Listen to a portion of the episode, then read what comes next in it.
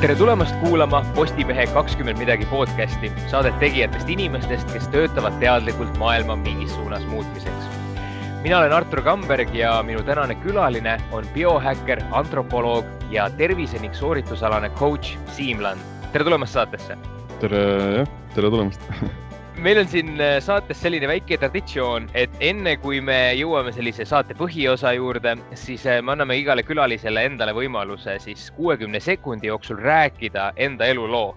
ehk siis äh, selle harjutuse mõte ongi panna sellise, kuidas öelda, ajalise defitsiidi alla, kus, kus kõhu kõik ei mahu, aga pigem ongi selle harjutuse mõte avastada selle ajalise pinge all, et, et mis on need hetked, mis sa ise oma elus kõige nii-öelda defineerivamateks pead kuidas selline väljakutse tundub sulle? jah, ma olen valmis, et kõlab päris hästi suurepärane, aga siis alusta siis, kui sulle sobib. no põhimõtteliselt ma sündi, olen sündinud ja kasvasin üles Saaremaal ja siin ma olen siis veetnud oma terve elu. ja pärast keskkooli ma käisin ära sõjaväes ja läksin siis ka Tallinna Ülikooli antropoloogiat õppima antropoloogias ma sain siis bakalaureuse kraadi ja õppisin ka välismaal, Inglismaal äh, aasta aega. kuna antropoloogina ma mõtlesin, et kuidas ma siis saaks oma nii-öelda elatist teenida pärast seda ja kuidas oma nii maailma, maailmale märki jätta, siis ma jõudsin järeldusele, et selleks on äh, mingisugune kirjutamine või nagu siis nii-öelda siis sisu loomine kirjalik, kirjalik, kirjalikus vormis ja tänu sellele ma siis alustasin ka oma blogi kirjutamisega äh, ülikooli ajal. Ja sellest blogist kasvas välja mitu raamatut erinevatel äh, nii-öelda siis enesearendusteemadel ja terviseteemadel ja ka alustasin Youtube'i kanalit. tänapäeval olen veel kirjutanud raamatuid, mul on enda ka podcast ja tegelen ka siis avaliku esinemisega, et seal nii-öelda antropoloogi minust ei saanud, aga kirjutajaks ma ikkagi äh, sain. ühesõnaga, et antropoloogia pani selle, kuidas öelda, enesearengu huvi seemne sinu sisse ja, ja see ülejäänud tuli juba loomulikult siis? jah, et nagu ma üldiselt läksin ka antropoloogiat õppima lihtsalt sellepärast, et see äh, nii-öelda siis uuris üleüldist äh, inimese olemust ja inimese lo loomust. ja siis see, see, oli nii-öelda väga sihuke, see ei olnud nii nagu kitsas või piirav äh, eriala, et äh, mul oli võimalus siis nagu minna ükskõik mis suunas, et ma oleks, oleks võinud kasutada seda näiteks ka arheoloogias, äh, üleüldises mingis etnograafias, ähm, sotsia-, sotsio-, sotsioloogias ja muude, muudel aladel ka, et mm -hmm. nagu see on väga-väga siis nii-öelda holistiline teema ja see aitas ka siis nagu omada, omandada siis sihuke äh, vaatepilt maailmale, mis ka ei ole sihuke väga nagu kitsas äh,. jah, kitsas ja sihuke piiratud, et see ikka näeb nagu tervet, tervet pilti, et näeb, kõik asjad on omavahel seotud no see sinu, sinu lähenemine täna kõigile nendele teemadele, millega sa tegeled, see üle, üleüldine selline inimese parendamine ja arendamine ja tema nii-öelda, tema enda parimaks eh, versiooniks saamine, et, et see on, sul on ka väga selline terviklik ja holistiline lähenemine, et sa räägid nii, nii toitumisalastest teemadest, nii trenni tegemisest, kui sa räägid ka sellisest mindset'i ja, ja distsipliini teemadest. et ma tahakski sinu käest küsida kui inimese käest, kellel on siis äh, isiklikku kogemust nii-öelda väga äh, mõlema poolega, et kui ütleme, et inimene on ennast ülimalt käest ära lasknud, siis kust sa alustaksid, et kas on terves kehas terve vaim või on pigem ikkagi terve vaim ja siis tuleb terve keha järgi? see on hea küsimus jah, et äh, mina, ma ise, ise arvan, et äh, no ma ütleks, et äh, ei saa nagu kumbagi äh, äh, lohisema jätta, aga samas on, ma arvan, et see mindset ja see vaim, vaim on mingil määral tugevam kui su siis keha, äh, kui füsioloogia, sellepärast et äh, nii-öelda aju ei saa, sinu aju ei saa nagu tee vahet äh, reaalsusel ja kujut- ja kujutlemisvõimel või sellel, mis sa ette kujutad enda ajus ja peas. et mingil määral sa suudad nagu tekitada siis äh, erinevaid reaktsioone oma kehas isegi ilma mingisuguse füüsilise tegevuseta ja seda võid sama, samasti ka nii-öelda siis näiteks äh, istuda kuskil koolipingis ja kogeda niisugust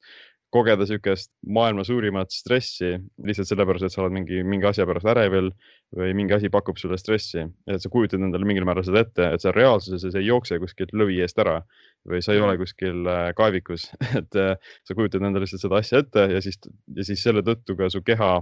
toodab nagu neid vastavaid stressihormoone ja sa koged nagu neid äh, stressi negatiivseid sümptomeid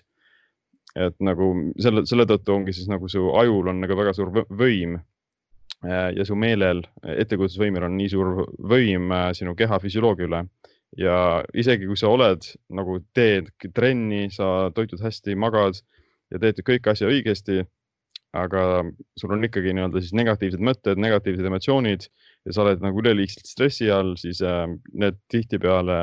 ei toimi, et sa võid joosta ükskõik kui palju jooksulindi peal, aga sa ei pruugi näha tulemusi, kui sul ikkagi on nagu liiga palju stressi et see meel ja vaim, vaim, vaim on ikka päris võimas. absoluutselt, ma, ma ise olen enda jaoks avastanud sellise asja, et et ma tegelen sellise keskmaa jooksuga ja, ja siis vahel ükskõik, kas ma jooksen üksi või ma jooksen kuskil a la Viljandi järve jooksul, siis minu,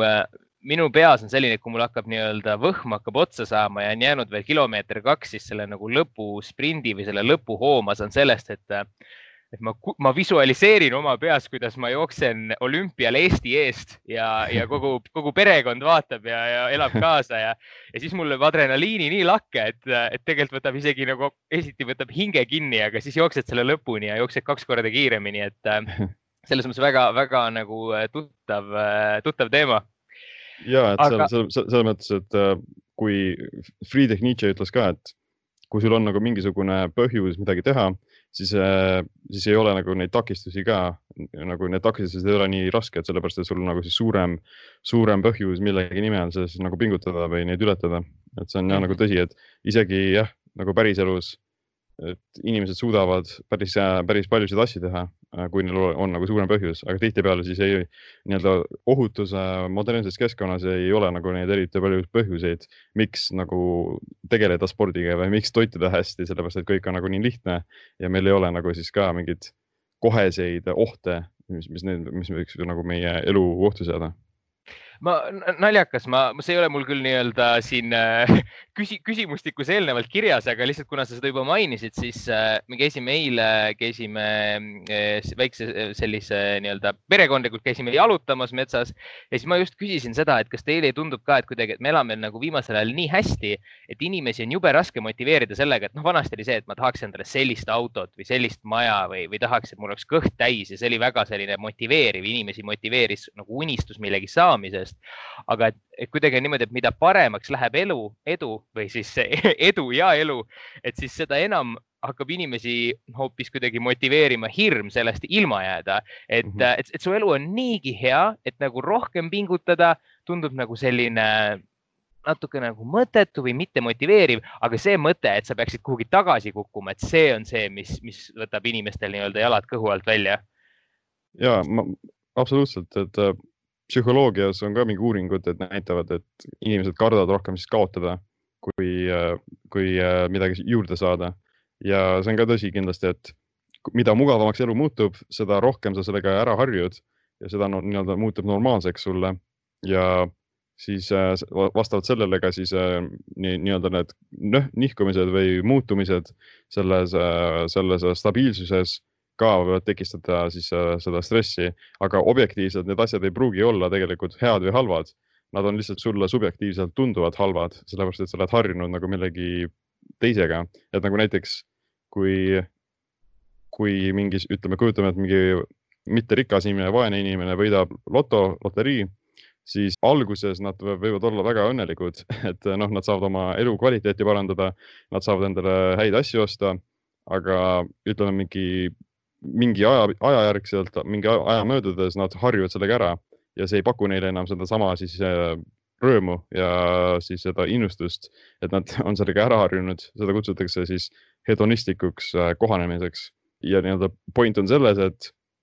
nii-öelda inimesed harju, harjume ära kogu aeg selle, selle, selle nii-öelda uue standardiga, millega, mida me kõige rohkem kogeneme. Ja see standard on pidevalt, pidevalt muutuses ja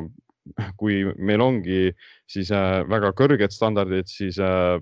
siis äh, see nii-öelda me kogeme ka siis, me, ei koge nagu tegelikult rohkem õnnelikkust, me kogeme õnnelikkust ainult vastavalt sellele, kui, kui lähedal me oleme oma sellele tasakaalule ja sellele, kus me oleme harjunud stabiilselt olema. et väga, ütleme väga vaene inimene võib olla sama õnnelik kui väga rikas inimene, aga see lihtsalt, see sõltub sellest, kus on siis nende see balanss või see keskpunkt, kus nad on kõige rohkem äh, harjunud viibima. kas, kas see on siis nagu äh, et, et kuidas öelda, et inimesena, kes, kes tegeleb inimese sellise nii-öelda saavutus coaching uga ja, ja nii-öelda produktiivsusest on teemad, mida sa räägid, et, et, et siis tekib natukene selline mulje, et, et mis see, mis on siis see point pingutada või üritada parem olla, sellepärast et kui ma, kui ma suudan rinnalt suruda nagu X äh, koguse kilosid, siis ma tahan tegelikult suruda järgmine kord X pluss kaks ja, ja kui ma, kui ma suudan nii-öelda kuus teenida nagu X koguse raha, siis ma tahaks seda ikkagi nagu suurendada ja elada paremini ja olla targem ja olla jõukam, et, et, et see on selline, kuidas öelda, lõputu lõputu püüd või see on nagu selline, see on see mm -hmm. metafoor, kuidas eeslist, kelle nina ette on porgand riputatud, mis on tema enda turi all kinni, et, et see, ta ei saa seda kunagi kätte, et, et kuidas sina enda jaoks oled mõtestanud selle õnne või, või täiuse poole püüdlemise? noh, see on jah tõsi, et võib jääda, jääda nagu taga ajama neid igasuguseid saavutusi ja, ja siis rikkusi, aga jah, point, seda on nagu raske siis äh, leida seda õnne just sellest, nende asjade saavutamisest, sellepärast et kui sa oled selle ühe asja ära saavutanud, siis tuleb järgmine asi, mida sa tahad saavutada ja see on, jääbki nagu jooksma sellele jooksulindi peale. Äh, aga mina arvan, et palju tähtsam on keskenduda siis äh, selle progressile ise ja keskenduda sellele arengule, et inimesed nagu saavad luua iseendale omaenda tähendused, nagu mis nende elu mõte on. Ja see tähendus on siis neile ise, nad saavad seda ise luua ja seda, seda tähendust ei tohiks olla siis ka nagu mingisugune X punkt äh, nagu sihuke noh, et nagu see äh, mingi sihtmärk. muidugi on need, need eesmärgid on tähtsad, nende seadmine, aga palju tähtsam on keskenduda siis mingisugusele progressile ja, ja missuguseks inimeseks sa tahaksid saada, sellepärast et see, selle inimeseks ole, olemist, seda ei ole nagu sihuke asi, mida sa saad saavutada. Ja siis sa oledki see inimene elu lõpuni, et selleks, et säilitada nagu mingisugust äh, vormisolekut, selleks sa pead nagu siis aktiivselt sellega tegelema. Ja sama kehtib ka siis kõikide suhete puhul inimeste vahel. ja et kui sa tahadki endale näiteks mingit pere luua, siis äh, sa ei saa, et sa ei saa seda osta, et sa ostad ära ja siis on olemas elu lõpuni, et sa oled seda, sellega nagu aktiivselt tegelema kogu aeg. Et siis see loob või see nõuab sult siis niisugust rohkem süsteemset lähenemist. et äh, sa pead äh, looma, sa pead keskenduma sellele mingisugusele süsteemile, mis aitab sul nagu neid teatud eesmärke saavutada, aga samas sa leiad seda õnne rohkem sellest süsteemist ise ja sellest progressist, mitte just nimelt äh, siis selle finišijoonest et, et siis selline nagu esimene küsimus, et milliseks inimeseks ma tahan, milline inimene ma tahan olla ja siis, kui sa oled selle saavutanud, siis milliseks inimeseks ma tahan jääda, et ühesõnaga see asi ei, see ei ole selline, äh, see on niisugune püsiv protsess. Ja, ja, ja tegelikult ma siit lähekski nagu, lähekski sinu mõtet arendaks nagu edasi, et, äh, et selline kui rääkida nüüd siis, äh, et jõuame selle keha juurde, siis teisena, aga räägime kõigepealt sellest mõistusest ja mindset'ist, et eelkõige asi, mis, mis meid nii-öelda tihtipeale inimesed ei ole endaga rahul ja, ja mis neid siis äh, nii-öelda takistab äh, sinna, sinna jõudmast, on kuidagi selline asjade edasilükkamine, procrastination inglise keeles, eestlased ütlevad, et lihtsalt inimene on laisk. ja, ja ma tahtsingi sinu käest küsida, et kuidas ikkagi on, et kas on äh, kas ongi niimoodi, et meil on olnud head ajad, meil on nagu kasvanud sellised äh, laisad, mittemotiveeritud inimesed ja nii ongi? Või, või on ikkagi see selline produktiivsus ja laiskus mõlemad sellised, kuidas öelda, programmeeritavad omadused pigem? Ähm,? no kindlasti on äh, kõik nii-öelda isikuomadused, neid, need on võimalik muuta. Ja kindlasti on ka see tõsi, et äh, su aju on äh, nii-öelda plastiline et su aju pidevalt muut, muudab ennast ja muudab oma käitumist, muudab oma harjumusi vastavalt sellele, missuguseid harjumusi sa igapäevaselt harrastad. et see, see on küll tõsi, et äh, vanale koerale on raske uusi trikke õpetada, aga see, aga noh, inimesed ei ole koerad, et,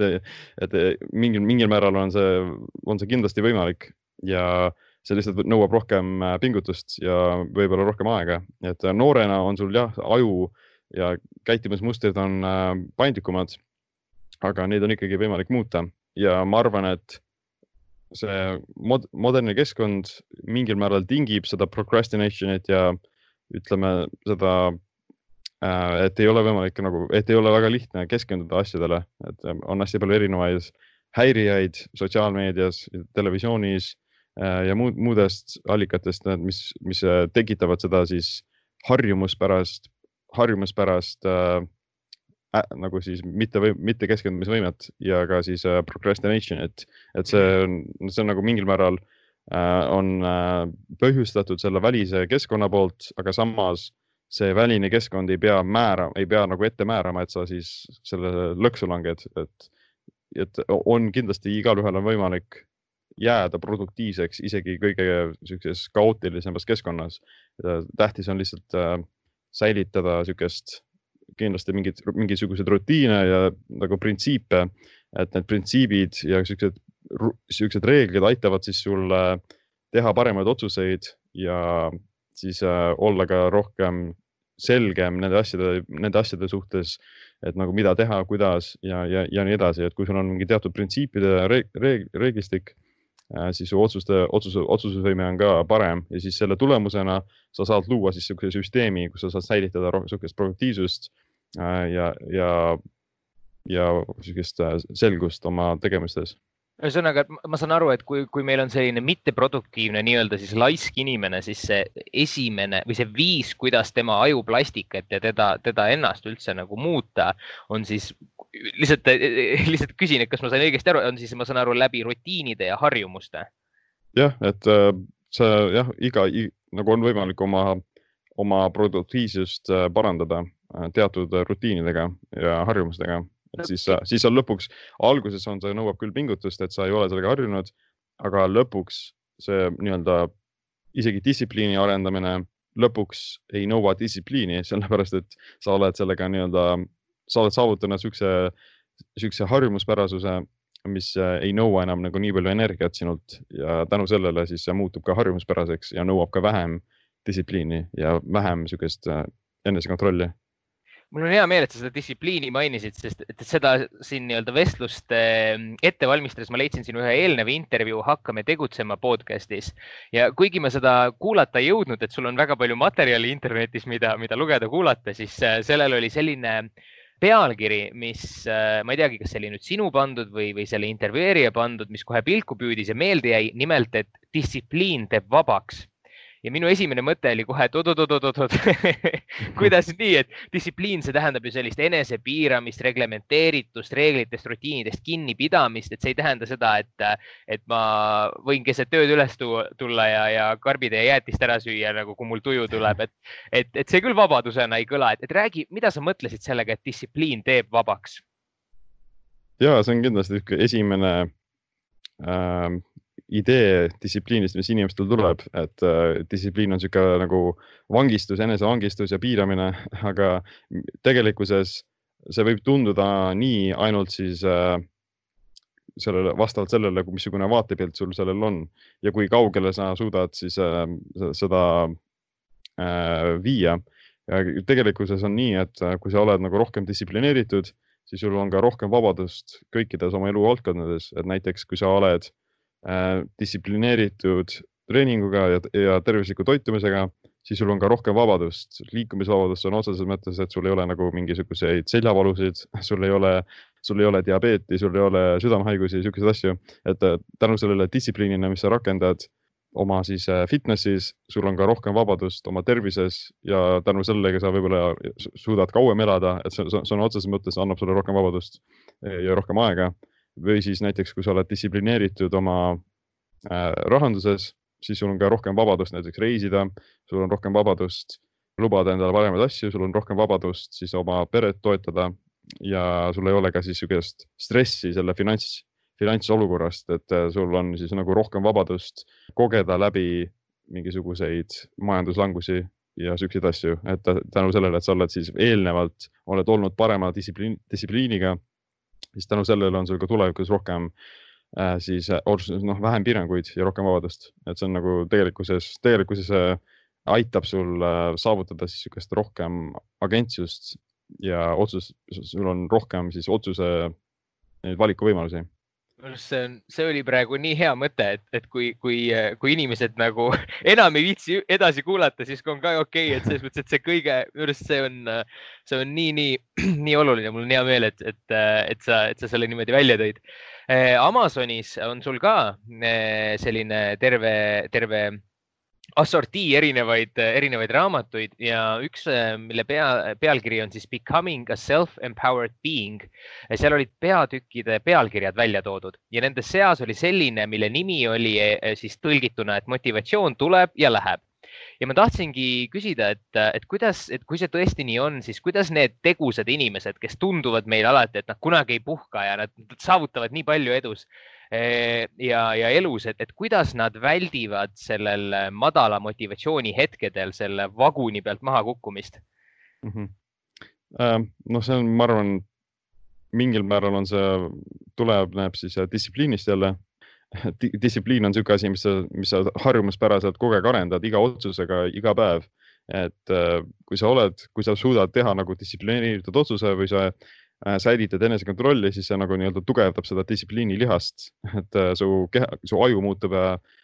paremaks selles distsiplineeri, distsipli-, distsipliini harrastamises. Ja vastupidiselt, et kui sa annad siis oma sellele soovidele nagu järgi ja sa murrad distsipliini, siis see vastavalt siis nõrgestab distsipliini lihast ja tegelikult tugevdab seda procrastination'i äh, Äh, võimet, et see on nagu pidevalt, pidevalt nagu aju kohaneb sellele vastavalt igale otsusele, mida sa teed iga päev. kindlasti on nagu erandeid, et sul, sa ei pea elu lõpuni olema siis sihuke mingi kivipea et mm, -hmm. et sa säilitad seda hardcore distsipliini kogu aeg, aga lihtsalt point on selles, et, et see, need, need, need muudatused toimuvad aktiivselt kogu aeg, et su nii-öelda aju ei pane pausi kogu selle peale, et nüüd, nüüd ma, nüüd ma ei muuda oma seda nii-öelda harjumuspärasust mm. -hmm. aga jah, et distsipliini saab säilitada ka siis, kui sa just siis nagu just tegelikult nendel, ma, ma, ma, mina arvan, et just, just nendel hetkedel, kus sa tunned, et äh, sa ei soovi distsipliini säilitada ja sa soovid oma siis sellele soovidele järgi anda või siis jah, nagu ja nagu lased oma selles mittemotivatsioonil äh, endast võimust võtta, siis need on tegelikult palju tähtsamad hetked kui need mingid igapäevased hetked, mis toimuvad palju tihedamini. sellepärast, et see on nagu siis sihuke nii-öelda see murdepunkt, kus äh, su äh, keha kohaneb. et ja kui sa näiteks murrad sellest, sellest hetkest läbi ja sa säilitad selle distsipliini, siis tulevikus selle samas olukorras olemine on palju lihtsam, sellepärast et sa nagu eelmine, eelnevalt tekitasid endale uue standardi ja sa lõid endale siis uue sa ületasid selle piirangu ja, ja seega su keha kohanes, see sama, samamoodi see nii-öelda siis äh, lihastreening äh, toimib sama printsiibi järgi, et äh, kui sa, kui sa tõstad nagu mingisuguseid äh, raskusi, siis äh, järg, järgmisel korral oled sa arvatavasti tugevam, sellepärast et su keha ootab, et sa, et sa no, oled suuteline siis äh, tugevamateks harjutusteks ja seega siis muutub, su keha nagu üleüldiselt muutub tugevamaks. Ja sama kehtib ka distsipliiniga, et kui sa säilitad selle distsipliini, siis järgmine kord muutub see lihtsamaks. Ja mina isiklikult, mina isiklikult lihtsalt tuletan endale seda meelde, et ma tuletan endale meelde, et mu nii-öelda siis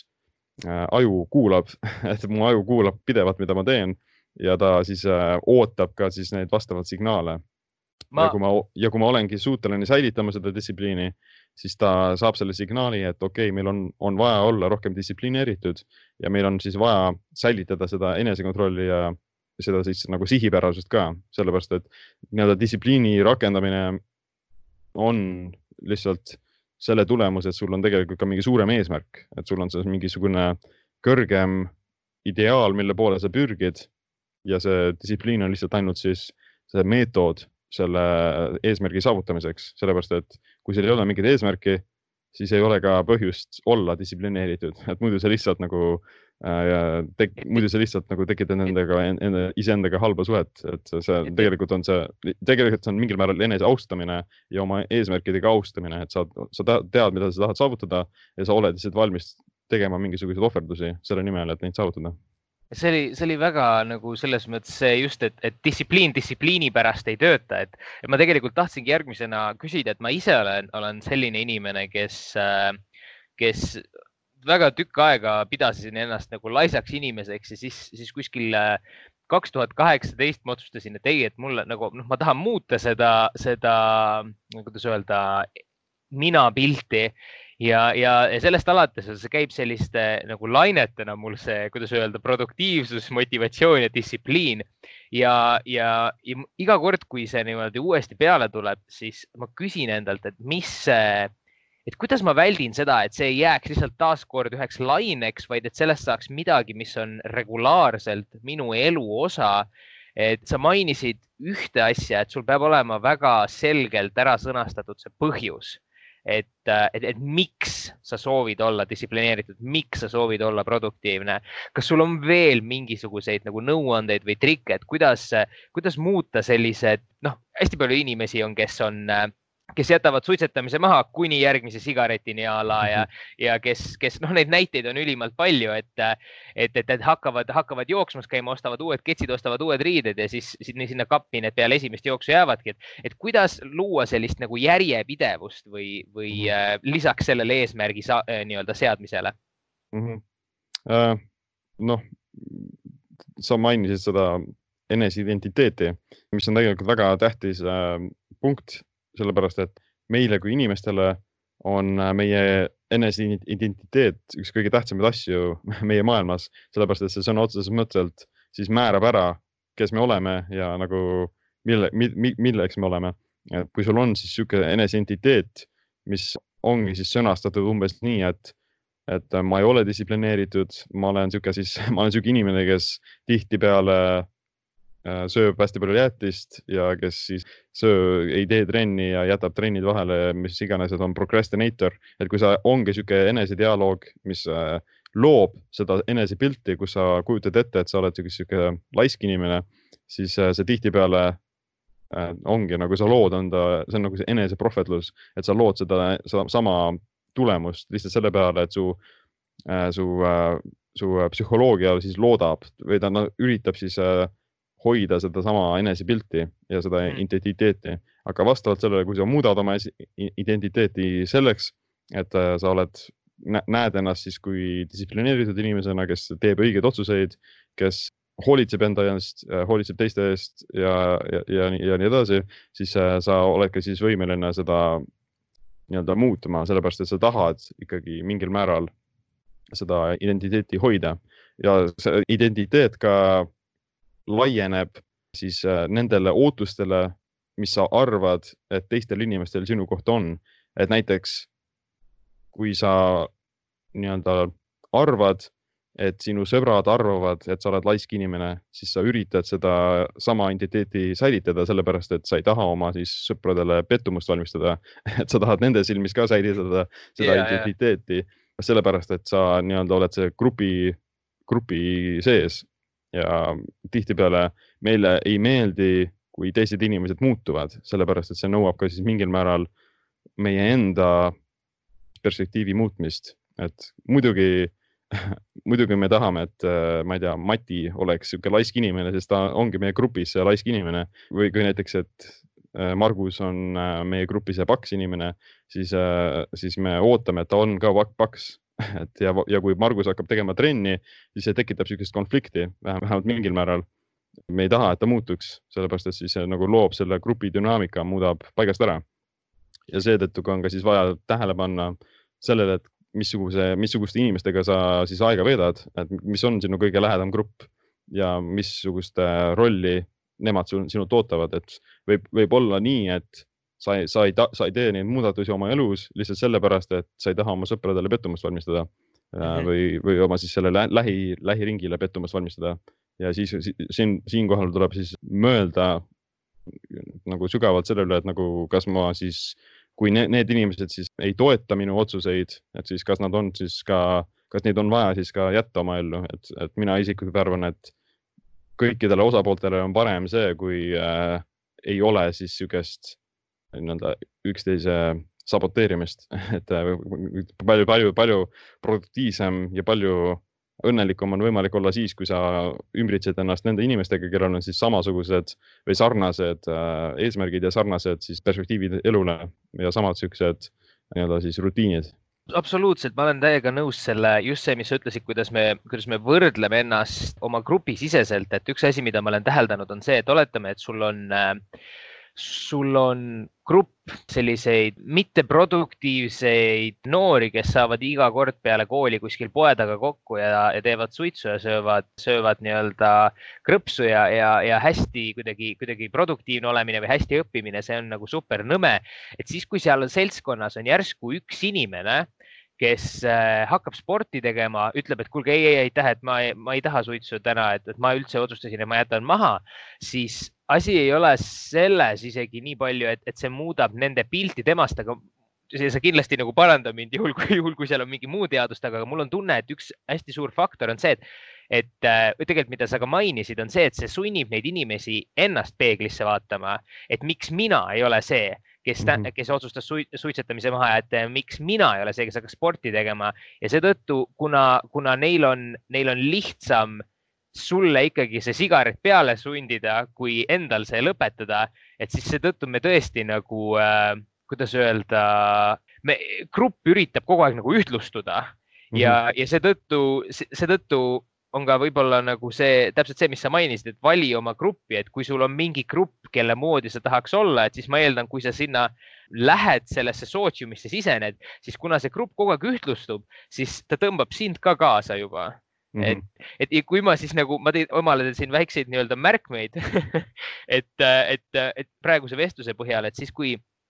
kui inimene sooviks ennast muuta, siis nii palju, kui, kui mina olen siit nii-öelda märkmeid teinud, siis mina saan aru, et esimene samm on see, et, et küsi endalt, millist minapilti sa tahad või noh, milline inimene sa tahad olla ja küsi endalt, et millised on selle inimese harjumused. ja, ja, ja, ja ka, ja ka, ja ka miks sa tahad see olla, sellepärast et äh, kui sa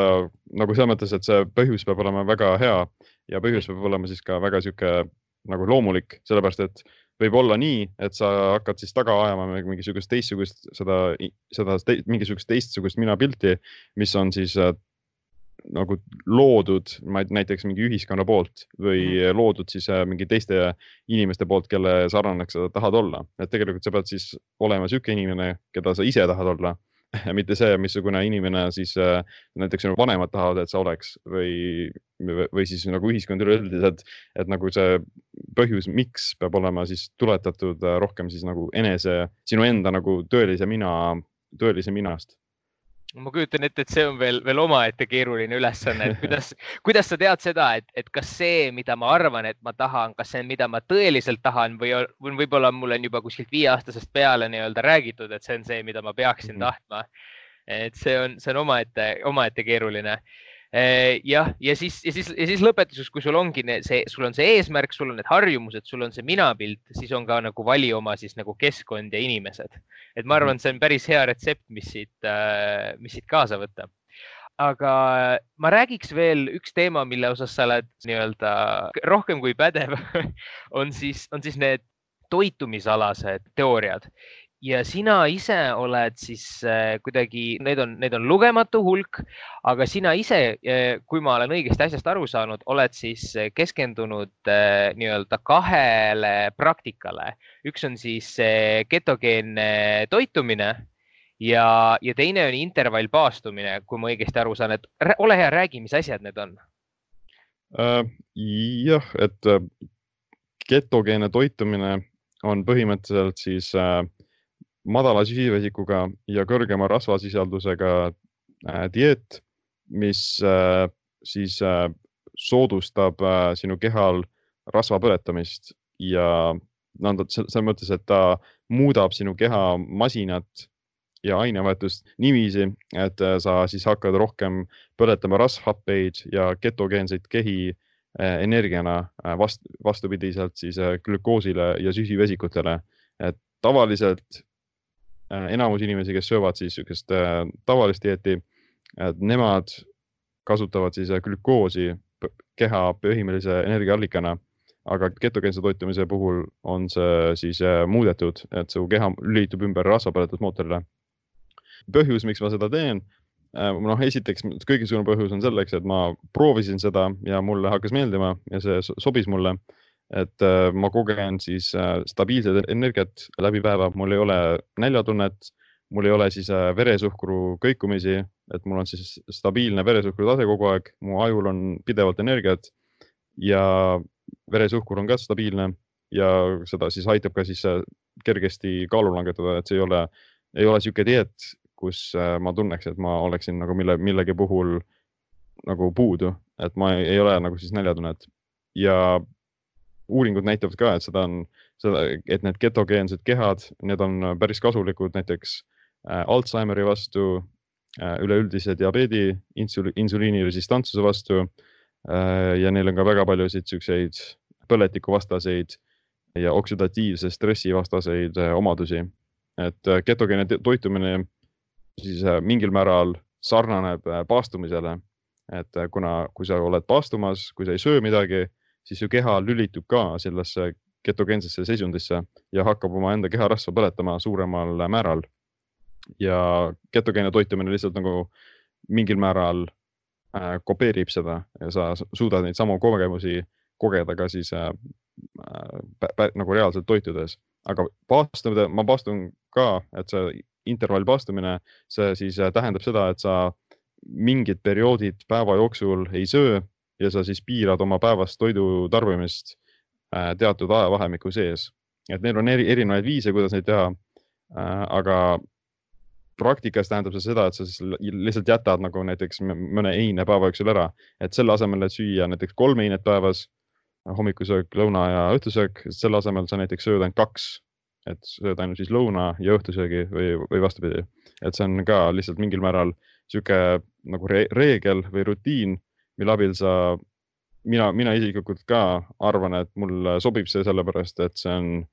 aitab ka säilitada produktiivsust, ma ei pea sööma ma ei pea nagu aega raiskama kokkamise peale ja söömisele, ma saan seda teha nagu väiksema aja jooksul. ja see ka, paastumisel on ka tegelikult väga palju meditsi-, meditsiinilisi ja teaduslikke eeliseid, nagu näiteks äh, jällegi äh, aitab äh, võidelda diabeediga, aitab insuliini resistantsuse vastu aitab siis ka Alžeimeri ja neurodegeneratsiooni vastu ja üleüldiselt ka väga paljusid vananemisega vastaseid, vananemise vastu võitlevaid omadusi. et äh, siis äh, näiteks, näiteks parandab DNA-d, siis äh, eemaldab igasuguseid äh, rämpsu, mis koguneb siis keha sisse, alandab põletikke ja ka vabastab ka siis siukseid tüvirakke, mis, mis on siuksed universaalsed noorendavad rakud, mis äh, vahetavad välja vanuseid rakke äh, ja need siis ka paastumise ajal äh, on võimalik toota, et see on ka erinevaid viisi, kuidas seda teha, aga üleüldiselt jah, ma kombineerin ketogeenset toitumist koos selle intervallpaastumisega üks, ma olen ise ka erinevatel perioodidel oma elus siis seda intervallpaastumist teinud ja kaasa arvatud praegu ja, ja mina ise olen selle siis nagu niimoodi lahendanud, et, et noh, see on see standardne, et sul on kaheksa tundi päevas, kus sa Eh, tohid tarbida kaloreid ja, ja siis kuusteist tundi, kus sa paastud. ja, ja mina olen seda lahendanud niimoodi, et mina selle kaheksa, mina mitte ei söö nagu hommik, lõuna, õhtu ja ma ei jäta ühte ära, vaid ma lihtsalt lükkan nad vahed väiksemaks ja ma söön ikkagi kolm korda ja selle kaheksa tunni sees, et kas mhm. see, kuidas see on, kas seal, kas seal on nagu mingisugune vahe, et kas see ütleme siis selle intervall toitumise paastufunktsioon äh, kas see aktiveerub ainult siis, kui inimene reaalselt sööb vähem kaloreid päevas, kui ta sõi enne või, või on sellest ka või on see ka nagu siis täiesti, kuidas öelda, kehtiv, töötav, kui inimene sööb endiselt sama arvu kaloreid, aga ta lihtsalt tarbib nad selle kaheksa tunni sees ära jah, et see on tegelikult võimalik saavutada neid äh, omadusi ka siis, kui sa tarbid äh, sama palju kaloreid. et äh, just eelmise aasta detsembris tuli välja üks Äh,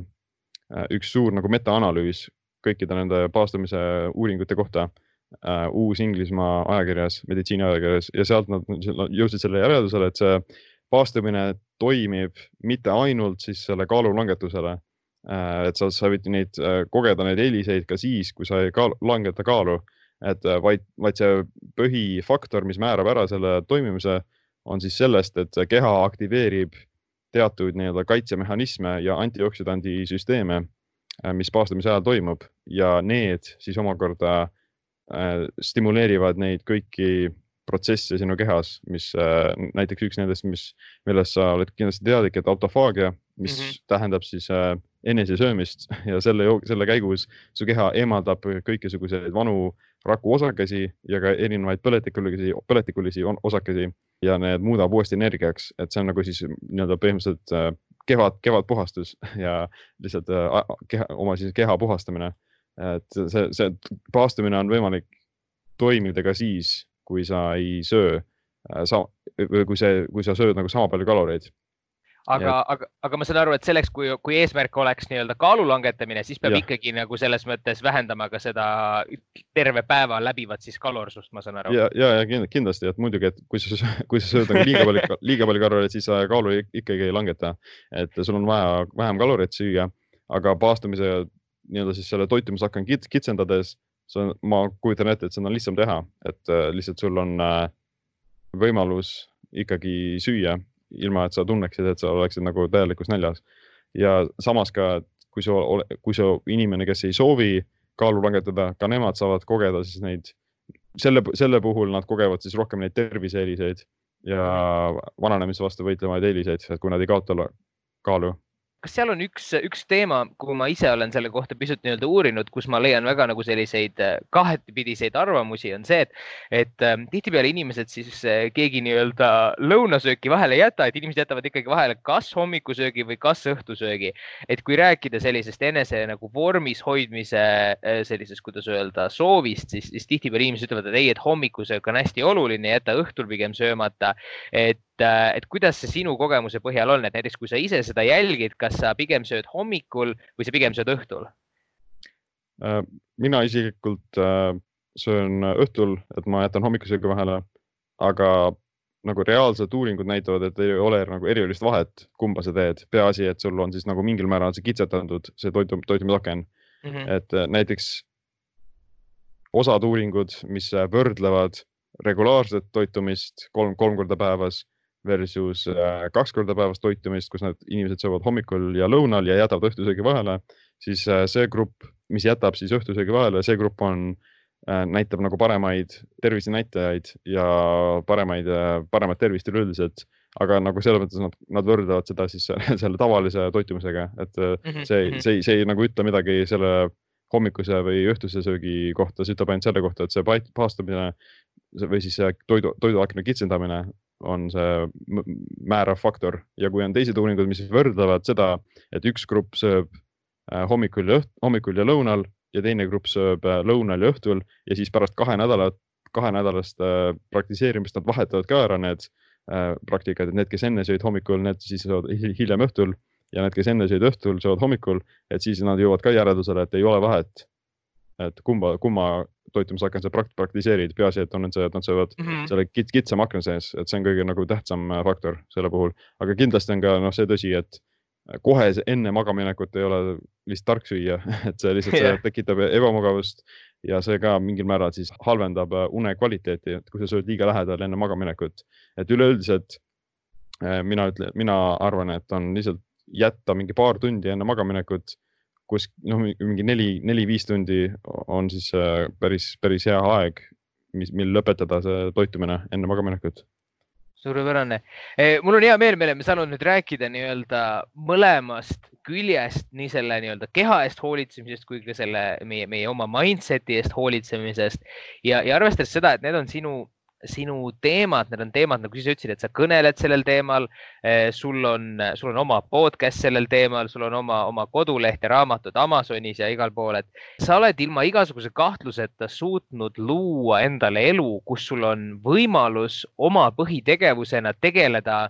võib-olla see nüüd vale sõna, aga nii-öelda oma hobiga või alaga, mille osas sa ise oled kirglik räägi, kuidas sa sellisesse olukorda jõudsid, et see on kindlasti paljude inimeste jaoks selline suur unistus, et kas see on sinu jaoks olnud teadlik pingutus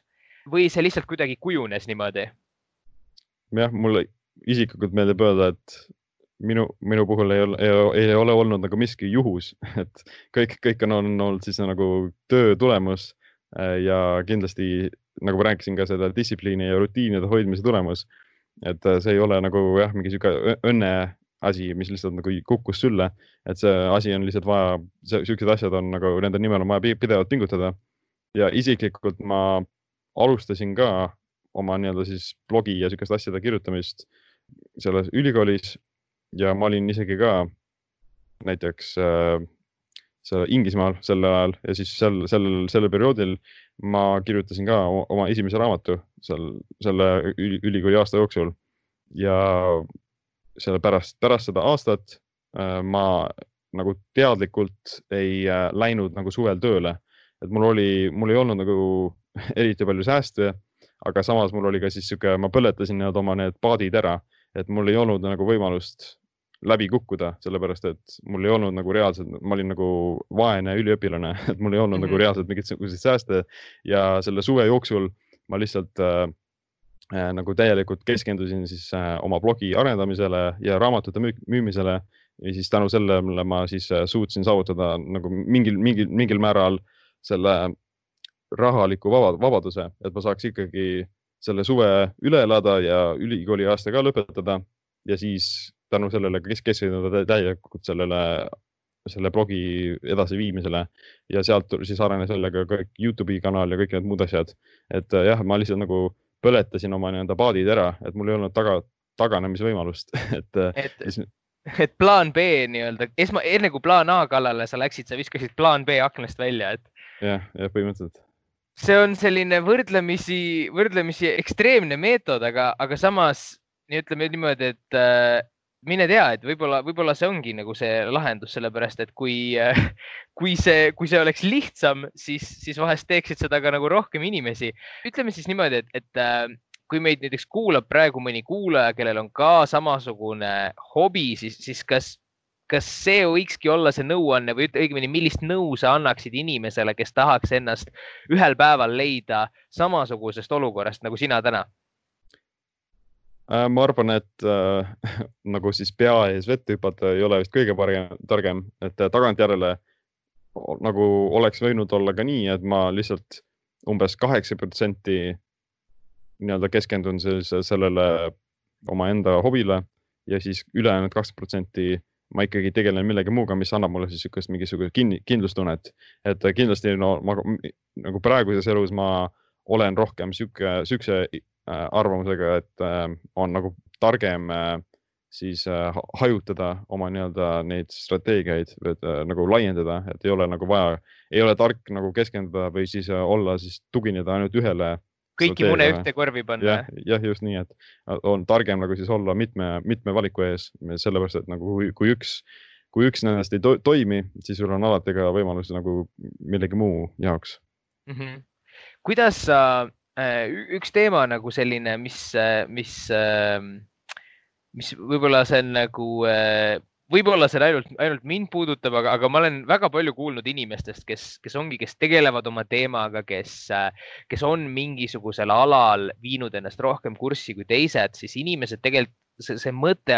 oma mõtete koondamisest raamatuks, raamatu kirjutamine, see on, see on väga ahvatlev ja väga paljudele inimestele aga see tundub selline üüratu, üüratu nii-öelda mägi, mida vallutada ja, ja sina ühes, ühes oma eelnevas artiklis või intervjuus, ma täpselt ei mäletagi, kirjutasid, et, et sul läks kümme päeva aega ühe oma raamatutest kirjutamisega. ma tahtsin küsida, et, et kas see raamat oli väga õhuke või sul on mingisugune tohutu saladus, et, et kuidas sa sellele kirjutamisprotsessile lähened uh,? no näiteks no siuksed suuremad raamatud, mis mul on näiteks kolmesaja, neljasaja lehelised, need ma kirjutan umbes kolmekümne päevaga. põhjus, miks ma suudan nagu neid äh, nii kiiresti kirjutada, on see, et nagu enamus uurimusest ja nagu siis taustauuringust on mul eelnevalt juba tehtud. et äh, ma pidevalt olen siis selles äh, teemas sees ja selles äh, uur-, ma tean kõiki neid uurimusi äh, ja mul on siis vaja lihtsalt need äh, mingil määral kokku siduda ja siis nagu peatükkideks ära jaotada ja nii edasi. et ma juba eelnevalt tean nagu enam-vähem, mismoodi see raamat nagu välja hakkab nägema. ja, ja. sul on see..., sul on see teema lihtsalt juba nagu nii, nii selge või nagu selles mõttes, et see ei ole midagi, mida sa hakkad research ima, vaid see on, see on, kuidas öelda, sa sa, sa siis paned lihtsalt sõnastad need, neid mõtteid, mis on sul nagunii tegelikult kogu aeg peas olemas, kui ma õigesti aru saan jah, et nagu kindlasti on äh, selle, selle kirjutamise protsessi käigus ma õpin kindlasti palju asju juurde, et äh, see ka, et aktiivselt ma mingil määral aktiivselt äh, kogun seda materjali samalaegselt ka juurde. aga jah, nagu see enamus, see tüvi osa on eelnevalt olemas, et see kirjutamise käigus ma lihtsalt muudan, muudan mingeid nüansse võib-olla ja siis võib-olla lisan teatuid ka uusi, uusi vaatenurkasid nendele asjadele aga jah, üle, üle, üleüldiselt ma tean nagu, mida ma kirjutan ja siis kindlasti ka siis rutiinide hoidmine, et äh, ma iga päev kirjutan umbes viis tundi enam-vähem äh, ja wow. et äh, nagu see on ka lihtsalt sihuke asi, mida ma teen siis aktiivselt iga päev, et see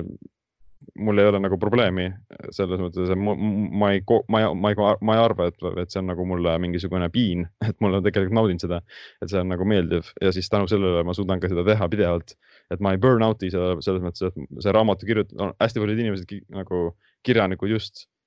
mainivad, et see raamatu kirjutamine on nagu väga stressirohke neile ja et nad on, neil on vaja taastuda sellest, et sellepärast nad kirjutavadki ainult ühe raamatu aastas või, või nii või ühe raamatu elu jooksul, et nad ei suuda seda rohkem teha, aga minu, minu jaoks ei ole see nagu stressirohke, et see on tegelikult, tegelikult üks siukseid, üks siukseid äh, parimaid hetki minu päevas, kus ma saangi nagu kirjutada. kas see erinevus või kas see, kuidas öelda äh,, miks sinul on selle võrra nagu lihtsam, et mis sa arvad, et kas see tuleb nüüd sellest, et sa kuidagi äh, et, et noh, et, et sa lihtsalt nii palju rohkem armastad seda teemat või näiteks üks asi, mis ma täiesti spekuleerin, mis ma ise olen täheldanud, et osad inimesed on lihtsalt üüratud perfektsionistid ja teised inimesed on nagu sellised, et, et ma, ma pigem teen ära, kui ma teen ära täiuslikult ja tänu sellele neil on vähem pinget ja nad saavad eh, kiiremini, efektiivsemalt tegutseda, et, et eh, kas siin võib emma, emmal-kummal äh, kuidas öelda, fakt, eh, kas emb-kumba eh, asi võib olla faktoriks sinu sellise kirjutamise lihtsuse juures? no ma arvan, et ma ei ole perfektsionist, et äh, mingil määral ma üritan nagu säilitada seega mingi tasakaalu, et ma ei, ma tean, et nagu see,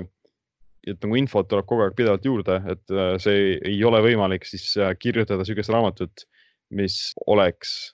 nagu täiesti sada protsenti täpne kogu aeg aegade lõpuni ja see pidevalt nagu muutuses. ja kindlasti ei ole nagu niisugust asja, mis on nagu täielik, täielikult perfektne. et äh, kõik asjad jäävad mingil määral siis äh,, neid, neid on võimalik nagu täiustada, aga lihtsalt ei ole, ei ole, mina isiklikult ei, ei kavatse jääda siis nagu sellesse lõksu, kus ma, kus ma siis äh, jään ootama seda perfektset hetke või perfektset ideed, et ma pigem lähen seda ise nagu looma, et ma lähen loon selle võimaluse iseendale selle mm -hmm. asemel, et seda jääda ootama, et välismaa, väline maailm mulle selle nagu siis sülle annab praegu on selline, kuidas öelda, selline elustiil või selline ettevõtlusvorm, nagu sina teed, et praegu on, on tänu interneti sellisele lihtsale kättesaadavusele ja tänu sellele, et, et meil läheb selline äh, lihtsam arvutitehnoloogia läheb ka järjest eh, odavamaks, et siis ei ole kunagi olnud paremat aega teha oma sellisest hobist või, või huvialast endale online äri, aga selle üks nagu väga oluline detail on see, et, et näiteks sina võiksid olla tohutult pädev nendes teemades, mida sa käsitled, aga kui see ei, mõte ei jõua mitte kellegini, siis, siis sellest ei ole mingit kasu. sina oled suutnud selle viia inimesteni. ma vaatasin, sinu Youtube'i kanal on nüüd, kui ma ei eksi, saja tuhande jälgija peal ja, ja sellest vist mingi kaks kolmandikku on tulnud siin viimase poole aasta jooksul ehk siin nagu tohutu kasv olnud. ja, ja, ja sinu mõtted jõuavad inimesteni, mis, mistõttu sa saad äh, sellist nii-öelda elustiili, elustiili, kuidas öelda, jätkata ja üleval hoida. et äh, ma tahtsin küsida, et kas see on olnud selline, kas sul on mingit, mingisuguseid nagu marketing või turundusnõu, mida sa oled nagu kindlalt jälginud või, või implementeerinud või on see pigem olnud lihtsalt see, et sa oled, sa oled nagu keskendunud sellele, et ma teen kvaliteetset sisu ja, ja see rahvas on ise selle üles leidnud? ma arvan, et äh, ei saa nagu siis tugineda siis sellele lootusele, et äh, inimesed sind, sind ise üles leiavad, et äh, kindlasti on vaja äh, keskenduda umbes sama, on, on vaja panna sama palju energiat siis selle sisu jagamisele kui ka siis selle sisu tootmisele, et sa ei ole nagu, ma arvan, et see tootmine ei ole ikkagi nagu nii, niivõrd raske või nii tähtis, kui see jagamine, et no ma arvan, et väga paljud nii-öelda mittekvaliteetset sisu võtab ka siis äh, väga palju tähelepanu inimeste poolt. Et see on nagu lihtsalt äh, selle jagamise küsimus. Ja selle tõttu on siis no, väga nagu kasulik kasutada ära siis sotsiaalmeediat, äh, kindlasti õppida, kuidas see sotsiaalmeedia toimib. et nagu mis, missugused algoritmid seal on, mis on siis need. Ja, ja kindlasti ka inimpsühholoogia, et miks, miks inimesed jälgivad, jälgivad teatud inimesi ja miks nad siis äh, hakkavad äh, näiteks mingit kanalit vaatama, et kindlasti nagu vaja siis õppida nagu neid kõiki asju. ja tihtipeale meeldib inimestele nagu eri nagu mitu faktorit määrab ära, et mis, mis siis äh, määrab ära selle, et kas inimene hakkab sind vaatama pidevalt, et nagu näiteks kindlasti on sealt vaja neil mingisugust entertainment'i või mingi meel, me, mingisugust meelelahutust. boonus on see, kui nad ka midagi õpivad kui nad saavad mingit uut, uut teadmist, aga see ei ole tingimata nagu vajalik, et pigem enamus inimesi kasutavad sotsiaalmeediat ja Youtube'i ikka rohkem meelelahutuseks. aga jah, et nagu neil on vaja siis meelelahutust, mingisugust teadmist ja ka üleüldist võib-olla kvaliteeti, et kui sul on näiteks halb mikrofon või kui sul on halb videokaamera, siis on nagu see vaatamine palju raskem. et no, no, see, see, see, see standard on nagu päris kõrgeks tõstetud, et jah, võib-olla mingi äh, kümme aastat tagasi oli võimalik saada siis suureks Youtube'i kanaliks, kui sul ongi ainult see mingi nii-öelda siis veebikaamera, aga tänapäeval oleks nagu rohkem vaja mingisugust kvaliteeti. et äh, heli kvaliteet on tihtipeale tähtsam kui video kvaliteet, sellepärast et äh, heli nagu he, inimesed on siis nagu heli suhtes rohkem tundlikud, et äh, halb heli on palju, palju tõgastavam kui halb video. Absoluutselt, absoluutselt. Ja sina oled siis sellise ikkagi mitte meelelahutuskanalina suutnud selles meelelahutust äh, nii-öelda janunevas süsteemis ikkagi siis, äh, kas, kas see, kas see, kas see nii-öelda salajane koostisosa ongi nagu see, et sa oled suutnud selle kuidagi, see on nagu edutainment või kuidas seda kutsutakse, et, et sa oled suutnud siis oma nii-öelda teadmised, kuidas öelda, serveerida sellises äh, meelelahutuslikus vormis või, või kuidas see sul õnnestunud on? Ähm, jah, ma arvan, et minu kanal üritab natuke siis luua ka mingisugust entertainment'i Äh, aga samas on ka see, sõltub väga palju siis sellest, sellest äh, publikust, kelle, kelle, kelle juurde sa üritad siis äh, pürgida. et näiteks tervise valdkonnas, et nagu enamus inimesed ikkagi otsivad nagu mingisuguseid teadmisi ja mingisuguseid näpunäiteid mm. -hmm. Mit, mit, mitte just entertainment'i, et see on niisugune valdkond, kus on näiteks entertainment ei ole nii tähtis, aga näiteks kui sa oled mingisuguses teises valdkonnas siis entertainment võib olla, võib olla tähtsam ja teadmised võib olla vähem tähtsad, et see sõltub ka väga palju sellest publikust absoluutselt. ma küsiks nüüd lõpetuseks, kui me oleme siin nii palju selliseid olulisi, huvitavaid teemasid läbi käinud, et, et, äh, et inimene, keda huvitab eneseareng, kes tunneb, et, äh, et ta on, ta on, ta on tükk aega mõelnud selle peale, et ma, ma näiteks mis iganes pidi see inimene tunneb, et ta ei ole endaga rahul, ta tahaks ennast arendada. mis on mingisugune kirjandus või kust sa soovitaksid äh, alustada, kas sul on mõni raamatusoovitus või, või, või kust sa nii-öelda jah, äh, kust sa soovitaks pihta hakata? näiteks äh, üks, üks minu kõige parem lemmikuid raamatuid on, on Viktor Frankli inimene otsib tähendust vist eesti keeles, man search for meaning on inglise keeles, aga põhimõtteliselt see on, siis räägib äh, näiteks äh, Auschwitzi äh, ellujäänust äh,, psühhiaatrist, kes äh, siis äh, ka nagu jõudis siuksele järeldusele, et inimesed,